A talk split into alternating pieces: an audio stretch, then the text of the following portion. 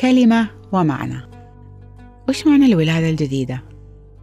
طبعا زي ما أنتم عارفين إن البشر مولودين عن طريق الجسد ولكن في هناك ولادة ثانية اسمها الولادة الجديدة من الروح ولادة من فوق من السماوات. هذه الولادة تتم بعد معرفة المسيح معرفة شخصية كرب ومخلص وفادي. خلينا نسمع قصة المسيح مع نيقوديموس المعلم اليهودي الفريسي. والقصة كالآتي.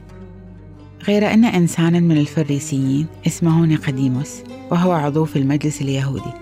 جاء إلى يسوع ليلا وقال له يا معلم نعلم أنك جئت من الله معلما لأنه لا يقدر أحد أن يعمل ما تعمل من آيات إلا إذا كان الله معه.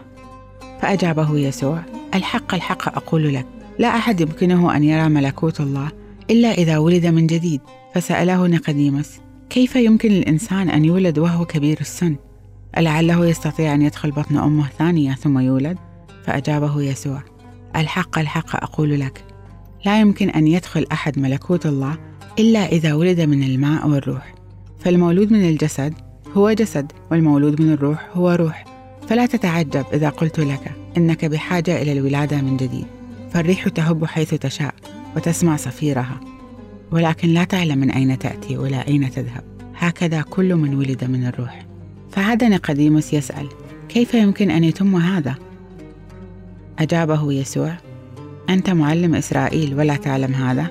الحق الحق أقول لك إننا نتكلم بما نعلم ونشهد بما رأينا ومع ذلك لا تقبلون شهادتنا إن كنت حدثتكم بأمور الأرض فكيف تؤمنون إن حدثتكم بأمور السماء وما صعد أحد إلى السماء إلا الذي نزل من السماء وهو ابن الإنسان الذي هو في السماء.